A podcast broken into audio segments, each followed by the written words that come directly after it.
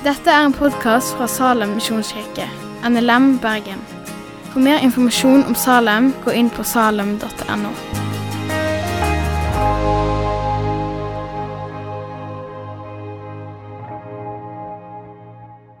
I dag skal vi gå gjennom eh, Galaterne 4, vers 21 til kapittel 5 og vers 15. Men før vi ser på den teksten, så har jeg lyst til å repetere bitte litt. Eh, og spesielt fra kapittel 3 i Galaterne. Jeg skal ikke gjenta eh, poengene som har blitt sagt før. Talene ligger på podkast. Jeg oppfordrer dere til å høre gjennom de. Men jeg skal ta noen av versene og se på de fra en litt annen vinkel. Fordi kapittel 3 og 4 henger veldig tett sammen, og det er litt det samme argumentet som eh, legges ut over litt flere vers. Så jeg tror vi har eh, veldig mye igjen å hente ved å gå litt tilbake og se på noen av versene der. Og Før vi går opp til kapittel 3, så vil jeg gå enda lenger tilbake, helt til første Mosebok, og lese noen vers derfra. Fordi Paulus, når han skriver til galaterne, så henviser han til to grupper. Den ene gruppa er de jødekristne, eller judaistene, som kjenner veldig godt til Skriftene og har blitt oppvokst i den jødiske troen. Og de andre er de hedningekristne, de som nylig har blitt eh, kristne og ikke nødvendigvis kjenner Skriften like godt. Og Når han henviser seg til de hedningekristne, så refererer han til deres erfaring, hva de hørte når de kom til tro, hva Den hellige ånd har gjort i deres liv, og hva han gjør i kirka. Men når han henviser seg til de eh, jødekristne og til judaistene, så bruker han mye mer Skriften og refererer til Skriften og historier i Skriften og argumenterer på den måten. Så jeg har lyst til å lese en av tekstene som Paulus refererer til, i og med at vi nå har lyst til å bruke Bibelen litt. Så Hvis vi slår opp i 1. Mosebok, kapittel 15 På dette punktet så var Abraham det er det teksten handler om, begynt å bli en gammel mann. Men han hadde ikke fått noen barn ennå. Så han, eh, slekten ble ikke ført videre. Så kan vi lese i 1. Mosebok kapittel 15, altså vers 4-6. Da kom Herrens ord til ham, og det lød så.: Denne mann skal ikke arve deg, men den som skal utgå av ditt eget liv, han skal arve deg. Han førte ham utenfor og sa, Se nå opp mot himmelen og tell stjernene, hvis du er i stand til å telle dem. Og han sa til ham, Slik skal din ett bli. Abraham trodde på Herren, og han regnet ham det til rettferdighet. Så Gud lover altså Abraham en ett, og Abraham tror på Guds løfte og blir da regna rettferdig. Han blir ikke gjort rettferdig, men han blir regna rettferdig. Det er en, en rettslig eh, kjennelse. Eh, dere kan holde en finger eller et bokmerke eller et eller annet i første Mosebok. Vi skal komme litt tilbake til det senere. Men nå kan vi slå opp i Galaterne kapittel 3, og så kan vi lese Paulus sin referanse til bl.a. denne teksten. Eh, og vi kan ta vers, kapittel 3, vers 6-9. Det er som med Abraham. Han trodde Gud, og det ble regnet ham til rettferdighet. Derfor skal dere vite at de som har tro, de er Abrahams barn. Da Skriften forutså at det er ved tro Gud rettferdiggjør hedningene, forkynte den på forhånd dette evangelium for Abraham. I deg skal alle folk velsignes. Så blir da de som har tro, velsignet med den troende Abraham.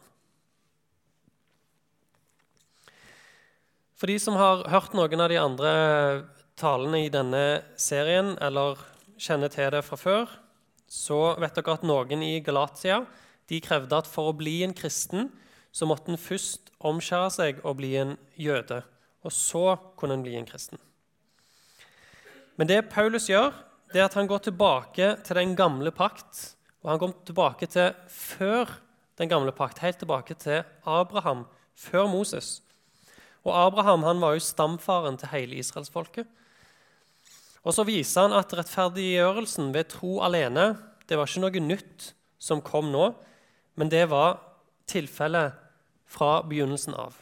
Det var ikke en ny ting i den nye pakt, men det var der helt fra starten med Abraham. Og I tillegg så viser han at frelsen til hedningene, altså frelsen til alle de som ikke var av Jakobs ett, det er heller ikke noe nytt. Det var en del av Guds plan òg ifra starten av. Og det som avgjør om du virkelig er Abrahams barn, det er ikke om du er i slekt med han fysisk, men om du har hans tro. Derfor er det de som har tro, som er barn av Abraham. Og Det er en av grunnene til at sikkert de fleste her i dag kan kalle seg kristen, og med rette kan kalle seg Abrahams etterkommere. Abrahams barn. Skal hoppe ned til et annet vers i Galaterne kapittel 3, vers 16. Men løftene ble gitt til Abraham og hans ett. Han sier ikke 'og til dine ettlinger' som om det gjaldt mange, men som når det gjelder én og din ett. Og dette er Kristus. Så Abraham ble regna rettferdig ved troen på løftet om etten. Og etten viser seg til syvende og sist å være Kristus. Så Abraham blir rettferdiggjort ved troen på Kristus som skulle komme, på samme måte som vi i dag blir rettferdiggjort på troen på Kristus som har kommet. Så dette med etten det går gjennom hele Bibelen. Men her trekker han linken fra Abraham til de kristne i Galatia og sier det er det samme. Abrahams tro på Kristus er den som vi har i dag. Og Så kan vi lese to vers til i kapittel 3. Jeg mener da dette.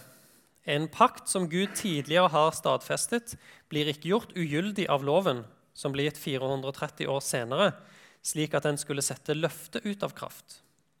For dersom en får arven ved lov, da får en den ikke lenger ved løftet. Men Gud ga den i sin nåde til Abraham ved løftet. Og Når Paulus prøver å forklare dette med hvordan det har seg at vår tro er den samme troen som Abraham hadde i sin tid, og hvordan Moseloven som kom imellom her, henger sammen med alt dette her, så begynner han å snakke om pakt. Og Jeg skal bruke litt tid på akkurat det, eh, for det er veldig viktig for, for å få med seg teksten vår senere i kapittel 4. Men det er òg viktig for å forstå Bibelen som helhet.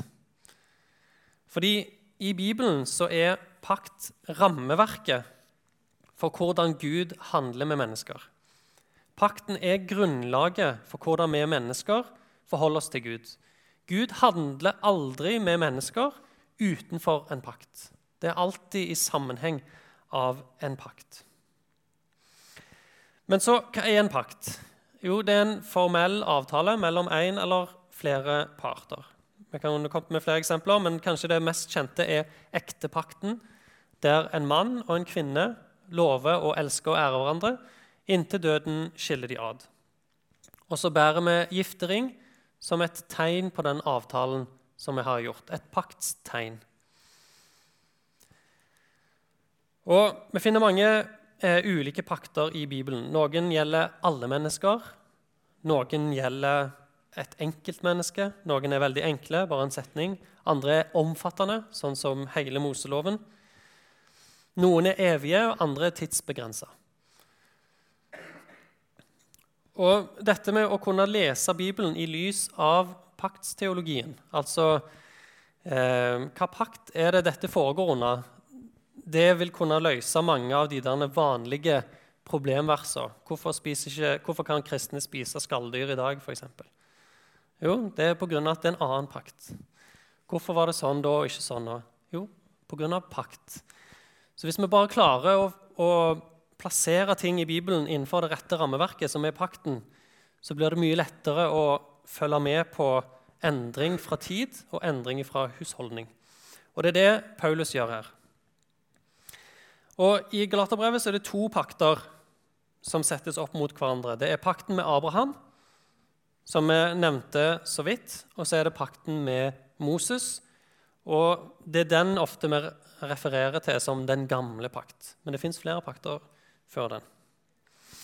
Og Disse representerer òg de to hovedtypene av pakt vi finner i Bibelen. Eh, pakten med Abraham det er en nådepakt. Eh, vi synger i en sang 'Hvor stort, min Gud, at jeg ditt barn får være', og leve i din frie nådepakt. Det alt er ferdig, jeg skal ikke gjøre, men bare hvile i det du har sagt. En nådepakt er altså et betingelsesløst løfte.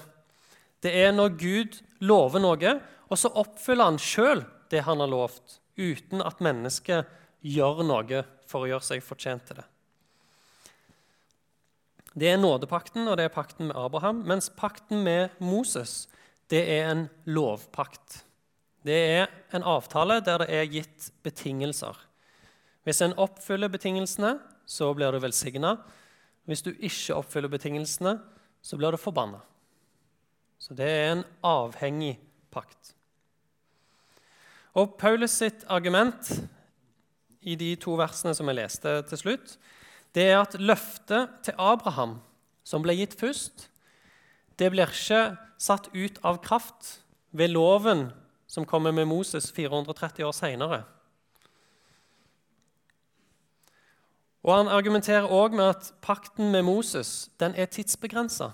Den hadde en eh, gitt funksjon som ble oppfylt når Kristus kom tilbake. Loven er oppfylt i Kristus, og når Kristus har kommet, så har ikke pakten med Moses, den gamle pakten, har ingen funksjon lenger. Så hvis vi tenker oss pakten med Abraham som en sånn rød tråd, så blir den gamle pakt, pakten med Moses plassert oppå eller parallelt med den i en gitt periode. Fram til Kristus kommer, og når Kristus kommer, så blir denne pakten oppfylt i Han. Og så innstifter Jesus en ny pakt i sitt blod, i sitt navn, som følger videre denne røde tråden fra Abraham, og egentlig er den samme pakten, og går videre helt fram til i dag. Jeg vet ikke om dere henger med så langt. Dette er egentlig ganske store temaer, så vi går litt sånn kjapt igjennom. Eh, men jeg tror eh, det vil hjelpe oss for å forstå den teksten vår litt bedre. Da skal vi hoppe tilbake til første Mosebok igjen eh, og lese litt hva som skjedde etter at Gud hadde gitt løftet til Abraham. Og Vi skal lese fra kapittel 16. Så Første Mosebok, kapittel 16, vers 1-3. Og Her heter da Sara og Abraham Sarai og Abraham. De har ikke fått nye navn ennå. Sarai, Abrahams hustru, fødte ham ikke barn. Men hun hadde en egyptisk trellkvinne som het Hagar.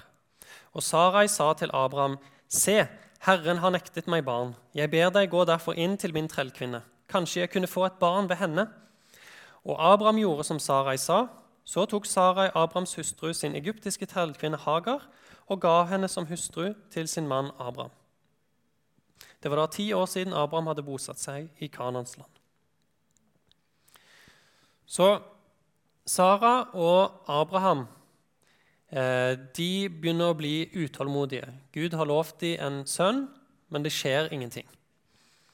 Og Sara er egentlig for gammel på denne tiden til å kunne bli gravid. Så de gir opp, og så ber Sara at han gifter seg med trellkvinna hennes, Hagar.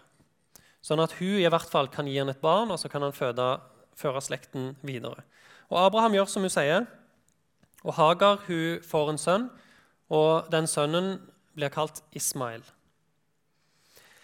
Men dette fører til at det blir fiendskap mellom Sara og Hagar. Sara blir sjalu på Hagar, eh, og hun begynner å behandle henne veldig hardt. Så hardt at Hagar til slutt rømmer ut i ørkenen. Og Så kommer det en engel til henne og bringer henne tilbake igjen. Og Så kommer Gud etter hvert tilbake til Abraham, og så spesifiserer han at det er gjennom Sara jeg skal gi deg en sønn.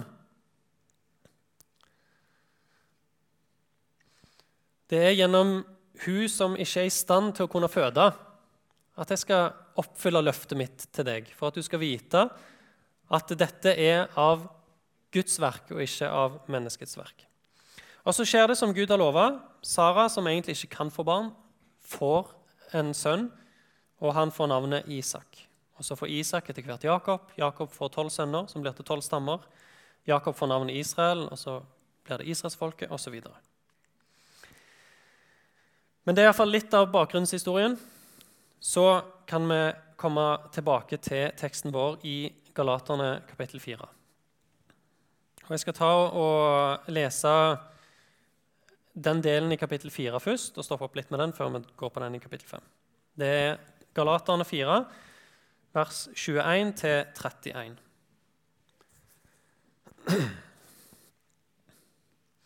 Si meg, dere som vil være under loven, hører dere ikke loven? Det står jo skrevet at Abraham hadde to sønner, én med trellkvinnen og én med den frie kvinne. Trellkvinnens sønn ble født etter skjødet, men den frie kvinnes sønn ble født pga. løftet. I dette ligger en dypere mening, for disse kvinner er to pakter. Den ene er fra berget Sinai, og den føder barn til trelldom. Dette er Hagar. Hagar er berget Sinai i Arabia og svarer til det Jerusalem som nå er, for det er i trelldom med sine barn. Men det Jerusalem som er der oppe, er fritt, og det er vår mor. For det står skrevet:" Gled deg, du ufruktbare, du som ikke føder. Bryt ut i jubelrop, du som ikke har fødselsveer. For den enslige kvinne har mange flere barn enn hun som har mannen. Men vi brødre er løftets barn, like som Isak. Men han som var født etter skjødet, forfulgte han som var født etter ånden. Slik er det nå også. Men hva sier Skriften? Driv ut trellkvinnen og hennes sønn, for trellkvinnens sønn skal ikke arve sammen med den frie kvinnes sønn. Altså, brødre, er vi ikke trellkvinnens barn, men den frie kvinnes.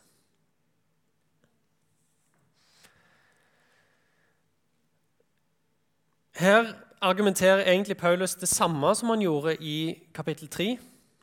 Men han bruker fortsettelsen av historien med Abraham, og så utdyper han det enda mer. Og Det er egentlig et utrolig godt bilde. Eh, det er en vanskelig tekst å forstå, spesielt uten sammenheng. Ehm, men den dypere meningen som ligger her, er veldig givende.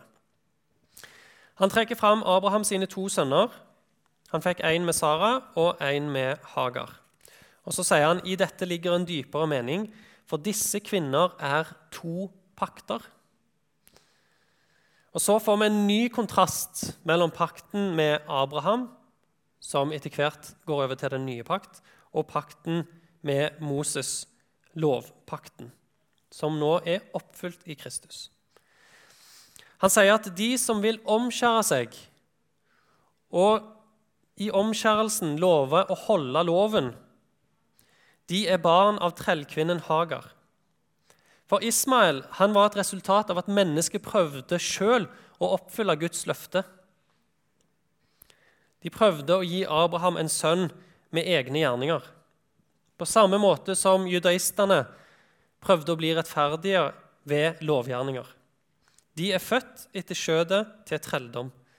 De representerer fjellet Sinai, der som de ti bud ble gitt, der som den gamle pakt ble innstifta. Og byen som de representerer, er det jordiske Jerusalem, som var lagt under trelldom. Og på denne tida var Jerusalem erobra av romerne. Det er de som vil gå unna den gamle pakten på nytt. De er trellkvinnens barn. Mens motparten til dette, det er den frie kvinnen Sara. Sønnen hennes Isak han var et resultat av Guds løfte. Han var gitt ved Guds nåde, ikke ved menneskelige gjerninger. Gud gjorde sjøl det som var umulig å oppnå for mennesker. Han var født etter løftet til frihet. Og Hvis vi skal ha et fjell som representerer løftets barn, så er det Golgata. Der denne sønnen til slutt kommer og får sin endelige oppfyllelse i Kristus. Og Jesus tar straffen i vårt sted og oppfylle loven i vårt sted. Og den byen som representerer løftets barn, det er det himmelske Jerusalem, Sion, byen som er fri til evig tid. Vår hjemplass, som vi egentlig lengter etter. Og Så konkluderer han med at vi brødre, vi er den frie kvinnes barn. Så I kapittel 3 så, så vi at de som har Abrahams tro, er Abrahams barn. Og Her i kapittel 4 så ser vi at de som er født av løftet, tilhører den frie kvinnes barn. Så hvis du tror og blitt født på ny av Gud, så er du Abrahams barn. Du er Guds folk. Du er et Guds barn. Dette står veldig fint i Johannes kapittel 1. Vi kan ta og lese to vers der. Johannes 1, 12-13. Men alle dem som tok imot ham, dem gav han rett til å bli Guds barn, de som tror på hans navn. De er ikke født av blod, heller ikke av skjøds vilje, heller ikke av manns vilje, men av Gud. Og så har jeg også lyst til å sitere en av Brorson sine salmer. Det hørtes veldig gammel ut når jeg sa det. Men det er en veldig fin eh, sang likevel, som refererer til tematikken i disse versene. Hvem vil meg anklage og for dommen drage hen til Sinai? Synden jeg bekjenner, meg til Jesus venner, dermed er jeg fri. Møt meg da på Golgata, Jesus skal min sak antage. Hvem vil meg anklage?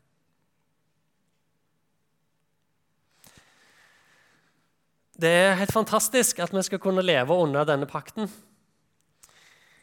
Eh, vi skal ta og lese resten av teksten, som er i kapittel 5, vers 1-15. Jeg kommer ikke til å bruke så mye tid på denne teksten. For det første er den litt lettere å kanskje forstå på egen hånd. Og så er det en veldig fin tekst som har som utgangspunkt til samtale i bibelgrupper etter gudstjenesten eller i andre sammenhenger. Men Vi skal ta og lese den i eh, helhet, og så skal jeg si litt om den òg. Det er i kapittel 5, og så Galaterne 5, og vers 1-15. Til frihet har Kristus frigjort oss. Stå derfor fast, og la dere ikke igjen legge under trelldommens åk. Se, jeg, Paulus, sier dere, hvis dere lar dere omskjære, så vil Kristus ikke være til noe gagn for dere. Igjen vitner jeg for hvert menneske som lar seg omskjære, at han skylder å holde hele loven. Dere er skilt fra Kristus, dere som vil bli rettferdiggjort ved loven. Dere er falt ut av nåden. For i Ånden venter vi ved tro på det som rettferdigheten gir oss håp om. For i Kristus Jesus betyr det ikke noe om en er omskåret eller uomskåret. Her gjelder bare tro, virksom ved kjærlighet. Dere løp godt. Hvem hindret dere fra å være lydige mot sannheten? Denne overtalelsen kom ikke fra ham som kalte dere. En liten surdeig syrer hele deigen. Men jeg har den tillit til dere i Herren at dere ikke vil mene noe annet. Men den som forvirrer dere, skal, skal bære sin dom, hvem han så er. Men jeg, brødre, hvis jeg ennå forkynner omskjærelse, hvorfor blir jeg da ennå forfulgt? Da er jo korsets anstøt gjort til intet. Måtte de bare skjære seg fordervet, de som oppvigler dere. For dere ble kalt til frihet, brødre. La bare ikke friheten bli et påskudd for skjødet, men tjen hverandre i kjærlighet. For hele loven er oppfylt i ett bud, i dette du skal elske de neste som deg selv. Men om dere biter og eter hverandre, da se til at dere ikke blir fortært av hverandre. Så I begynnelsen av kapittel 5 så oppsummerer Paulus det han har argumentert gjennom kapittel 3 og 4. Og Konklusjonen hans er at til frihet har Kristus frigjort oss. Hvis det er én bok i Bibelen som handler om den kristne frihet, så er det Galaterbrevet. Det er det sentrale budskapet gjennom hele Bibelen. Og Derfor sier han dere må ikke gå tilbake til den gamle pakt og prøve å holde hele loven for å bli rettferdig. Da prøver de å bli rettferdig ved fortjeneste og ikke ved løftet av Guds nåde. Hvis dere gjør det, så er du skilt fra Kristus, og du er falt ut av nåden Det er noen av de kraftigste begrepene Paulus bruker. Fordi For å bli en kristen spiller ingen rolle om du er jøde eller hedning, om du er nordmann eller nederlender, om du er mann eller kvinne, slave eller fri, og hva du har gjort i livet ditt fram til den, dette punktet, om du har vært en trofast bedehus- eller kirkekristen, eller om du har levd livet og synda så mye du bare orka. Det som gjelder til slutt, er om du har troen virksom i kjærlighet. Det er Paulus sin oppsummering i begynnelsen av kapittel 5. Og så har han en overgang fra å snakke om friheten i Kristus til å advare om å ikke gjøre friheten til en unnskyldning for å synde.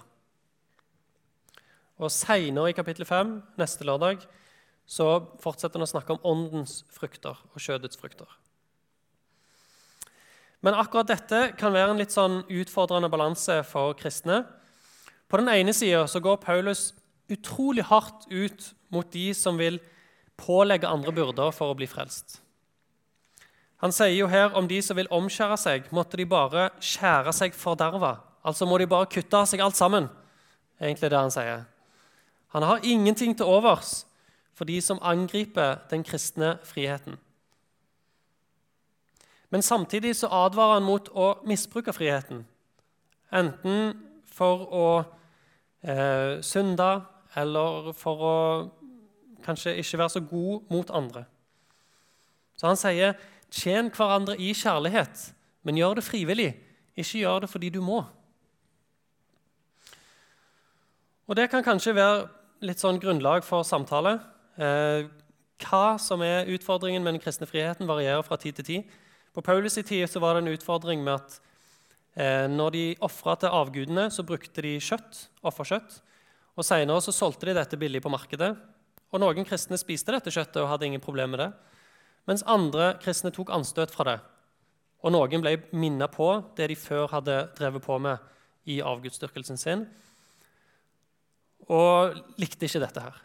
Og det var en utfordring i, eh, det i Korint. I vår tid det, kan det være andre ting.